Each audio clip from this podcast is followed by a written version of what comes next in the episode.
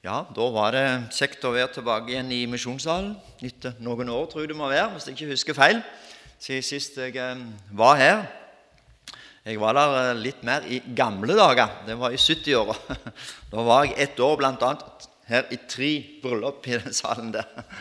I løpet av ett eller ett og et halvt år, husker jeg. ja. Men eh, det var kjekt å få komme en tur igjen fra Bjerkreim. Og eh, i fjor på denne tida da var vi kommet hjem fra Bolivia etter å ha vært et par år der ute. Så da syns jeg det er kjekt å komme tilbake litt og melde ifra. Melde litt tilbake òg ifra det arbeidet som eh, dere har stått i, meg og Gunvor har stått i, og mange andre har stått i i Bolivia. Eh, det er òg en, eh, ei eh, sak som har god dekning i Bibelen. De samles òg for å eh, leve litt med i det arbeidet som Gud hadde på gang. For eh, evangeliet, det måtte forkynnes. Og det tenkte jeg kom til å bli eh, litt fokus da i dag. Dette med misjon, og jeg fikk denne anledningen nå på tampen av sommeren. Ellers var det fint å sitte og kikke og i avisa her på fredagen var det vel, å lese om, om våre venner som hadde tatt imot evangeliet. Eh, I Malmin var det ikke det. Og eh, se at Gud han eh, fremdeles kan gripe inn og gjøre noe òg her gjennom denne bussen på Ruten. Og noen ungdommer som vil være med der, og dere som er med på det. Der er det en stor, stor oppgave. Det er stadig mange som um, trenger evangeliet rundt omkring oss. Samtidig som vi vet at mange de har heller ingen sjanse til å høre evangeliet. Derfor er det fint at vi kan um, fortsette hjemme og ute. Og jeg er så glad i at vi har et sånn et opplegg i NLM da, med hjemme og ute. At vi, det går hånd i hånd hele veien. Det er sånn Guds menighet eh, starta. Og sånn eh, vil han at den skal fortsette. Og den kommer til å fortsette til den dagen da eh, alle folkeslag har hørt evangeliet. Men da er det slutt. Men inntil da så er døra åpen. Så vi vil se litt ifra det og, og eh, lese litt mer ifra Guds ord. Men la oss eh, be først av alt. Himmelske Far, takk for at vi får samles i ditt gode frelsernavn enda en gang og her i misjonssalen på denne første dagen i uka, da ditt folk eh, har brukt å samles gjennom alle hundre år, helt siden eh, du hadde stått opp ifra de døde på denne, den første dagen. Herre Jesus, vi takker deg for at eh, vi har eh, åpne dører. Vi kan samles fritt, ingen hindrer oss.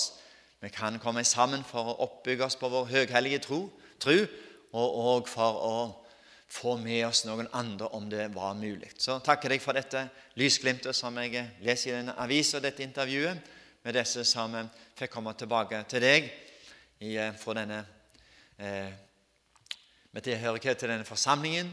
Herre Jesus, takk for at eh, du gir oss disse glimter for å gi oss eh, nytt mot, vise oss at det nytter å forkynne evangeliet. Kjære Jesus, vi ber om at dette nye arbeidsåret som starter opp etter ferien nå, at det må få stå i den sammenhengen, at nye kan vinnes for deg her hjemme, der ute, der eh, evangeliet er ganske nytt. Herre Jesus, vi ber om at det underet må skje. Så legger vi denne formiddagsstunden videre over i dine hender. Ber om at du må fylle den med din ånd, at du må åpne ei dør for evangeliet. Kjære Jesus, vi ber om det. Velsign hver enkelt som eh, kommer, går ut og inn her i denne salen. Herre, la det være til stor velsigning, og at vi kan få bli oppbygga på vår høghellige tru. Vi legger alt dette i dine hender. I eh, ditt navn, Jesus, og takker deg for prisen du betalte da du ga livet ditt for oss. Amen. Ja, jeg vil eh, lese noen få vers til fra apostelgjerningene. Og Så skal vi komme litt tilbake til denne teksten som er fra denne dagen, fra Salme 32. Eh, men eh, jeg var så heldig sammen med Gunvor å sitte på de der knausene der ut forbi eh, Akropolos i Aten for noen uker siden. Og Det var litt spesielt å tenke på at her har han stått og talt disse ordene, og de lytta, de som var lederne i folket. Få ville ta imot, men det var noen. Eh, Dionisio var det en som het, og han hadde oppfalt, opp, fått oppkalt ei, ei stor gate etter seg opp på høydedraget der. Kanskje døde han som martyr, mener de, eh, i den første kristne tida. Men eh, la oss lese der videre fra eh, verset 30 og til og med vers 34 i Jesu navn. Etter at Gud hadde båret over med vannkundetidene, byr han nå at alle mennesker, hvar de så er, skal vende om. For han har fastsatt en dag da han skal dømme verden med rettferd ved den mannen han har kåret til dem, etter at han har gitt fullgodt bevis for alle ved å reise han opp fra de døde. Da de hørte at døde skulle stå opp, var det noe som spotta. Men andre sa, Vi vil høre deg tale om dette en annen gang òg.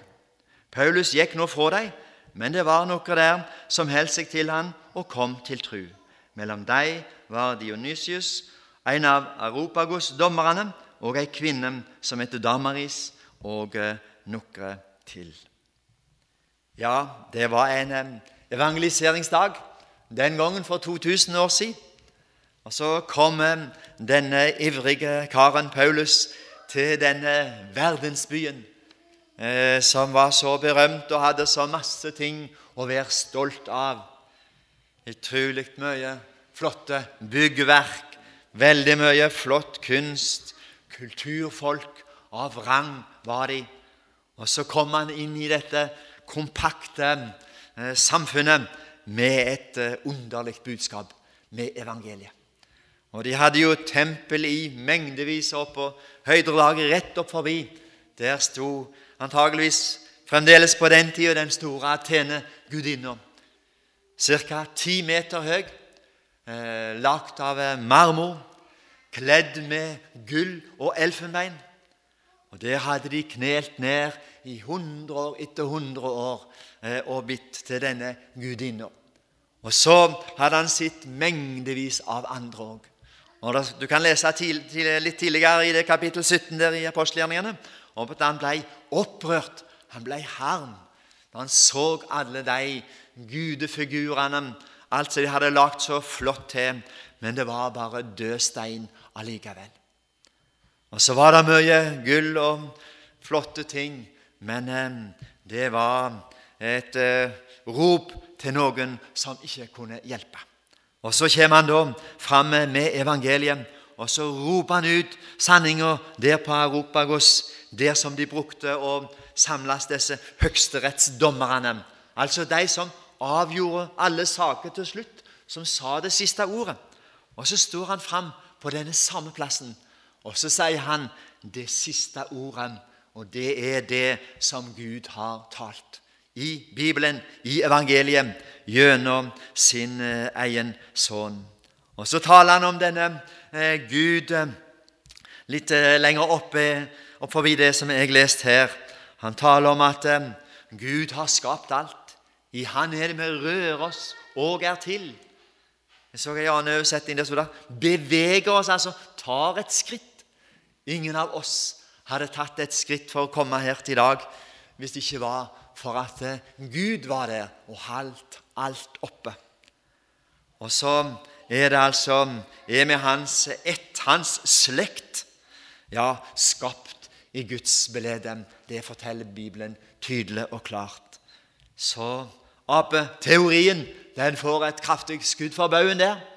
For det viser seg det at det stemmer ikke. Nei, vi er skapt uh, i Guds belede. Vi har fått noe som er veldig forskjellig fra apene og alle andre dyr. Vi står i en sammenhengen. Ja, det stemmer. Gud kunne gjerne gjøre det. Men så grep han inn, og så skapte han mennesket eh, med en helt annen dimensjon. Hvorfor er det da så nødvendig å drive misjon? Hvorfor er det nødvendig å fokusere og inniblant på ytremisjonen, som vi kaller det? Hvorfor er det så nødvendig? Jo, det var jo Jesus' siste ord før han eh, for opp til himmelen og forsvant. Beskjeden som han la igjen. Og denne ordren som han ga, det er det som vi kaller for en stående ordre. I militæret så hadde vi noen sånne permer som lå på en pult inn på rommet vårt. Og Det var sånne stående ordre. Og de var sånn at det var ikke nødvendig for kapteinen på kompaniet å komme og si at sånn og sånn skal dere gjøre, og det og det. Nei, det lå der. Det var skrevet, og det gjaldt hele veien. Det, sånn er det òg med misjonsbudet. Men så ser vi her et eh, annet argument som blir eh, tatt fram her av Paulus i vers 31.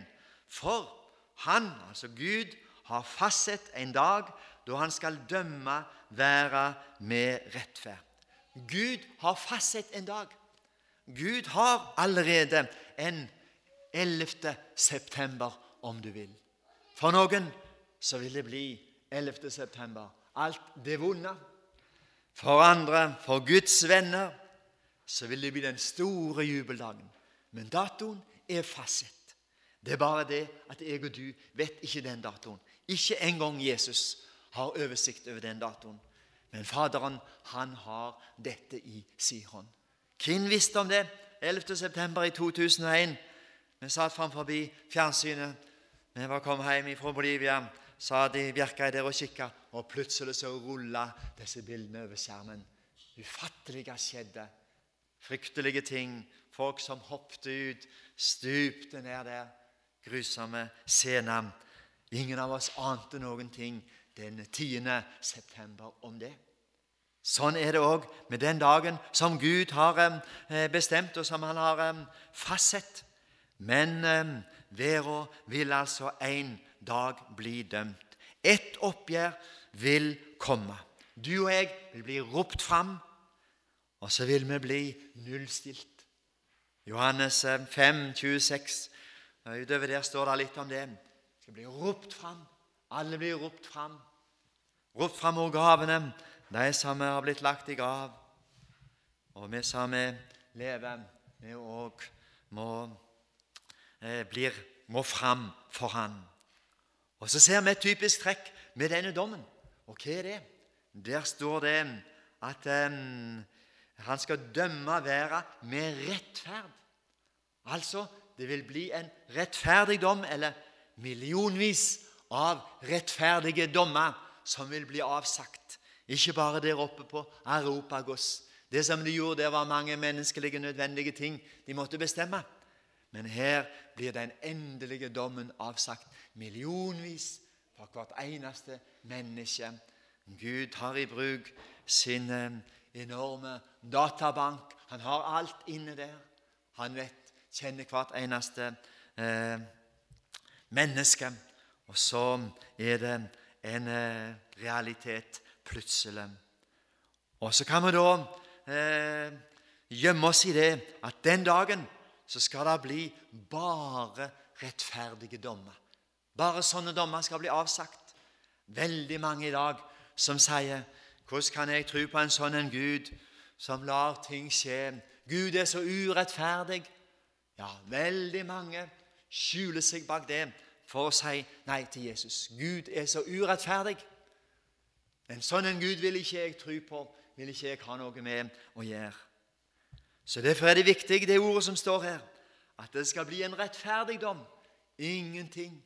Jeg forstår ikke det. Jeg greier ikke å se hvordan det kan bli rettferdig. Men Gud han vil avsi dommen for hvert menneske, og den vil være helt 100% rettferdig. Ingen urettferdige dommer vil den dagen bli avsagt. Det blir det jo i denne verden. Det var vel ikke lang tid siden nå, noen uker siden eller måneder. Det var en som fikk saka si opp igjen, og så ble han frikjent. Han hadde vel sittet i fengsel var det ti år, eller hva var det? Det var ganske lang tid. En fryktelig urettferdig dom. Sånne dommer vil ikke finnes den dagen. Når den datoen slår inn, så vil det bare bli rettferdige dommer. Og så har altså Gud da kåra, utkåra, utpekt en person til å ta seg av dette. Og Det er det Paulus eh, heller fram eh, for det her. Ved den mannen han har kåra til dem, etter at han har gitt fullgodt bevis for alle fullgodt. Ikke bare bevis, men fullgodt. Det mangler ingenting. Det er et bevis som er å stole på. Han har gitt fullgodt bevis for alle ved å reise han opp fra de døde. Det er det disse eh, filosofene i Aten får høre. Et underlig budskap som aldri har kommet opp i deres hjerte eller i deres hjerne. Mange interessante ting har de tenkt. Gode ting, en del av det òg. Men dette var totalt ukjent. Og Så ble det litt eh, rabalder når Paulus begynte å snakke om det. Dette beviset Han har valgt ut en som har stått opp, en som har kommet ut ord grava, som har kommet ut ord fra gravlunden, har gått i retur. Det gjør ingen andre, men han, han har gjort det, altså. En som har vært død, men som nå er levende. Han er det som skal stå altså for den dommen. Den ukjente Gud som de knelte ned. De hadde også et alter der. Noen som tenkte det må være noe der, kanskje en som ikke kjenner. Og Så nytter Paulus denne, denne sammenhengen der. Og Så sier han jeg kan fortelle dere om den ukjente Gud. Han har gitt seg til kjenne. Han kan vi bli kjent med. Du kan bli kjent med han. Jeg kan bli kjent med han. Dere som jobber her på Europagos, som har studert i lange tider, dere kan bli kjent med denne personen. Gud har vist seg. Han har sendt Sønnen sin. Han har talt til oss på mange måter før, men nå har han eh, talt gjennom Sønnen, som Hebreabrevet 1 taler så veldig sterkt om. Og så er sløret dratt til sides. Og så har han dette siste, eh, det som da er det viktige.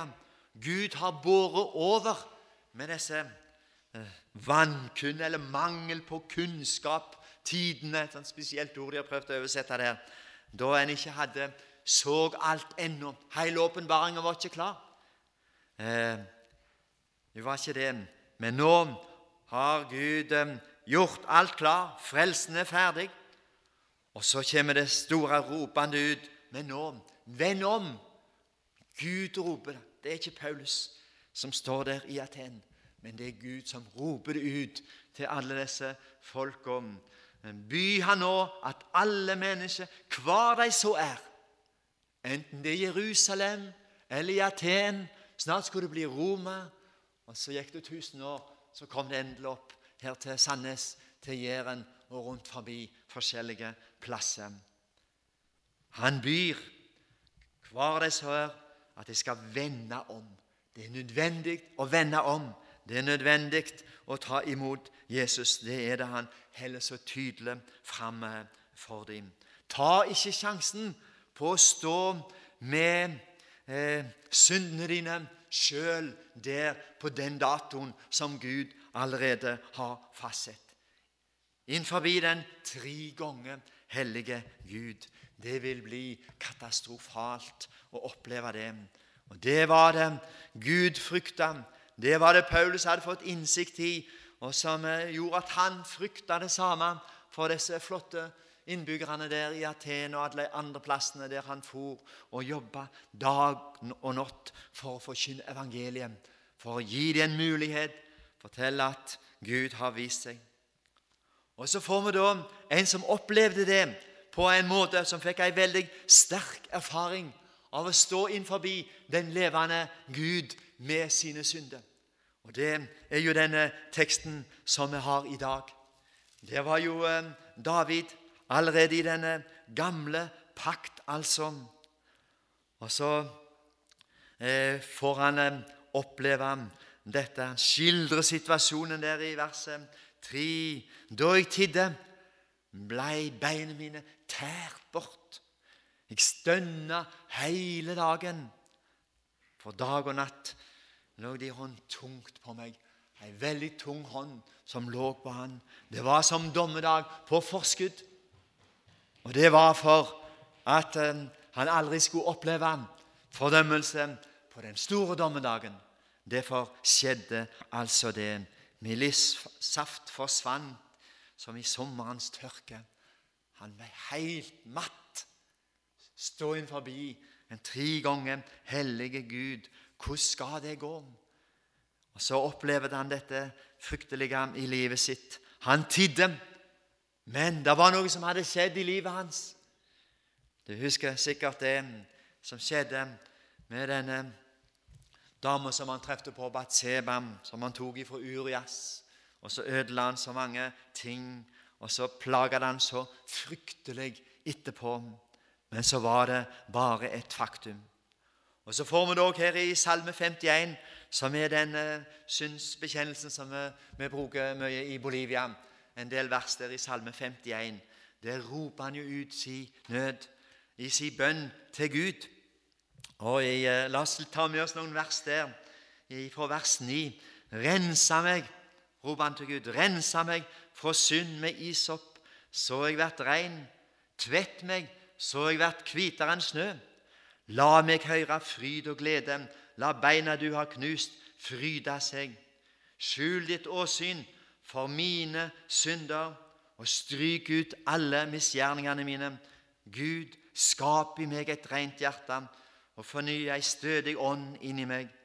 Kast meg ikke bort for ditt åsyn, ta ikke din hellige ande fra meg. Gi meg atter og fryda meg over di frelse, og hold meg oppe med ei villig ånd. Roper han ut i sin nød. Den har kjent dette trykket. Denne hånda som lå så tungt over han. Han stønna hele dagen. Vi vet ikke hvor lenge det der har vart, men eh, det kan ha vart ei, ei tid òg. Det kan det. Det som eh, David hadde gjort, var vondt i Herrens øyne. Leser vi i Samuelsboka der om det. Hele livet hans et eneste stort skrik. Rens meg, vask meg, du Gud, vask meg, du. Kan du ikke gjøre det? Liksom Han nauber han om det. Og så eh, har han dette voldsomme uttrykket i vers 11. Skjul ditt åsyn for mine synder. Det var det han frykta, at Gud skulle se disse tingene. Det som han sier, gjem ansiktet ditt, kjære Gud, gjem ansiktet ditt ikke se på meg. Ikke se på meg, for all del. Det er det han er så redd for. Og så blir det en veldig kontrast til velsignelsen. Herren løfter sitt åsyn på deg. Det er jo det motsatte. Og her ber han om det andre, altså. Gjem ditt ansikt, skjul ditt åsyn for mine synder. Det var det han eh, hadde begynt å bli så redd for. Stryk de ut, Visk de ut. Sjå de ikke, Herre. Det er denne veldige bønnen som han ber fram. Det er en som har sagt det sånn så lenge Gud ser synden, så er det håpløst for synderen å nærme seg Gud. Det var situasjonen for David. Det var situasjonen på Paulus si tid og for hans tilhørere. Det var sånn det var. Og så står vi der og ennå til i 2010 fullstendig hjelpeløse. Vi kan bare ikke ordne opp, jeg og du. Det er umulig å ordne opp. Det er så vanskelig. Og så er det dette ropet, da. Noe har skjedd. Vi innser at det er sant, det som Bibelen taler om. Og så får vi det i vers 12 et nytt uttrykk der. Gud, skap i meg et rent hjerte og forny ei stødig ånd inni meg. Du må skape noe nytt. Og Der er jo det ordet for skaping som er brukt der. Det er det samme som er brukt i Første Mosebok, og som bare har Gud som subjekt. Altså skape av ingenting. Det er ikke det at Gud eh, skal prøve å få reparert en del hos oss mennesker, hos deg og meg. En del som har blitt øyelagt ødelagt av synda i sine forskjellige utgaver. Nei, det er noe som må komme fra en annen plass. Noe helt nytt som må skapes. Og det er det han eh, ber om. Av ingenting. Det er eneste muligheten for deg og meg. Hvis ikke den muligheten var der, ja, da var det ute med oss. Og Det er det han tar fram til slutt her i vers 13. Kast meg ikke bort fra ditt åsyn. Ta ikke din hellige ande fra meg. Kast meg ikke bort. Og hva hadde han erfart i sitt liv, han eh, David? Han hadde hatt en eh, kar som han kjente veldig godt. Det var kongen før han, det var Saul. Og hva hadde han sett med Saul? Jo, utvalgt, salva av Samuel, utvalgt av Gud. Og så ble denne flotte karen Saul konge. Men så skjedde det noe, og så ble han kasta bort ifra Gud. Det var det katastrofale som skjedde. Og Han kom inn i et fryktelig mørke og prøvde å drepe David med, med spyd og litt av hvert. Han herja på noe forferdelig. Guds ånd trekte seg tilbake ifra hans liv. Og Så kan jeg veldig godt eh, tenke meg det at eh, når David taler om dette, så kan det være at han har, har denne erfaringa med seg. Jeg har sett dette. Det går an faktisk å bli kasta bort ifra Gud. Ja, hva har et menneske å stille opp med da? Hva har du å stille opp med? Hva har jeg å stille opp med? Ingenting. Vi fullstendig hjelpeløse framfor den hellige Gud. Kast meg ikke bort. La det ikke skje med meg. La det ikke skje at jeg mister Den hellige ånd. Det var det han frykta. Mange de går rett imot dommen i dag, som om ingenting hadde hendt, som om ingenting kommer til å skje. Redd en var det ei som sang, ei gammel dame jeg trefte på Nordmøre. Jeg hadde møte en plass der. Redd en, redd en. Hun var vet ikke om hun var blitt 90 år, var rett rundt omkring der. Hun hadde en flott gitar og hadde vært evangelist og reist rundt i alle år. Og Så kom hun på bedehuset, og så hadde hun med seg denne gitaren. Og Så svikta eh, hørselen litt, og så sa hun kan du ikke Eh, kan du ikke høre litt? Jeg hadde med meg den lille Bolivia-gitaren. Og så sa hun det. Kan du ikke høre på min gitar? Er han stemt? Er han stemt? Hun var redd at han skulle være litt ustemt. Jeg tror han er bra, sa jeg. Hørte på det. Så hun var litt usikker, men hun ville synge denne sangen fremdeles. Redd en. Det er det det er snakk om, venner. Redd en. Men heldigvis så ender det ikke for David der. Og det var det vi fikk høre så fint her i denne salmen 32, eh, der i det femte verset. Jeg bekjente min synd. Jeg bekjente min synd. Det var det han sa. Jeg bekjente min synd for deg, skjulte ikke min skyld. Jeg sa jeg vil bekjenne mine misgjerninger for Herren, og du tok bort, du tok bort min syndeskyld. Det var det store som skjedde, altså. David erfarte det. Han fikk eh, oppleve det. Hånda, den tunge hånda forsvant. Og så eh, fikk han oppleve dette veldige Du, du tok bort min syndeskyld. Det var det veldige som skjedde. Når han var villig til å innrømme det og si det rett som det var, rett fram. Og så var det altså det som preget han hele livet hans etterpå. Salmen er veldig mye preget av det i Davids sitt liv. Du har vel erfart det, du òg. Erfart det. Det preger vel ditt liv. Det preger vel mitt liv. Dette at Han har sett oss fri. At du har fått se det, at alt er tatt bort. Se det tydelig og klart. Og så synger vi en sang det handler om når vi kommer til Jesus Når du går til Jesus, altså, så blir min dødsdom ugyldig. Jeg har en venn som har gitt sitt liv. Det er det det handler om. Og så blir dødsdommen din og min ugyldig. Og hvordan er det da mulig? Hvordan kan den bli, eh, kan den bli ugyldig? Den dødsdommen som henger over oss mennesker har blitt kraftig minnet om det med disse to karene i Kongo. Denne rettssaken som stadig er oppe igjen. Henger dødsdommer over dem? Kan det være at plutselig så plaffer de de ned? Eller vil det ikke skje? Det henger over dem. Vil det bli slutten på deres liv? Det er alvorlig. Det er det en sånn situasjon. Hvordan er det mulig at din og min dødsdom kan eh, bli kjent ugyldig? Jo, det var det at den dommen, din og min, den kom veltende inn over Jesus. Valgt inn over han for hvert eneste menneske. Store mengder. Dommen, den ble presens. Den ble nåtid for Jesus for 2000 år siden. En knusende dom, bokstavelig talt. Av og til snakker vi om det. En knusende dom. Det ble det for Jesus. Det ble en knusende dom. Han ble fullstendig knust. Han som var totalt uskyldig, og som endatil var Guds sønn.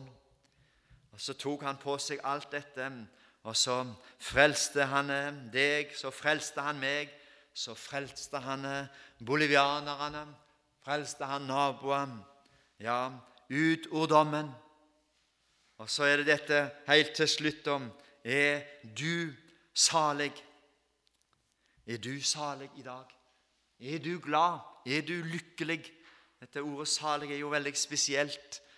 En sånn en lykkefølelse, ikke bygd på følelser, men på et bibelord, på noe som er skrevet ned. Og om ikke du ennå er det, om du ikke er det i dag, så kan du eh, eh, bli det. For eh, vi eh, leste jo her Jeg bekjente min synd for deg og skjulte ikke min skyld. Jeg sa, jeg vil bekjenne mine misgjerninger for Herren, og du tok bort min syndeskyld. Amen.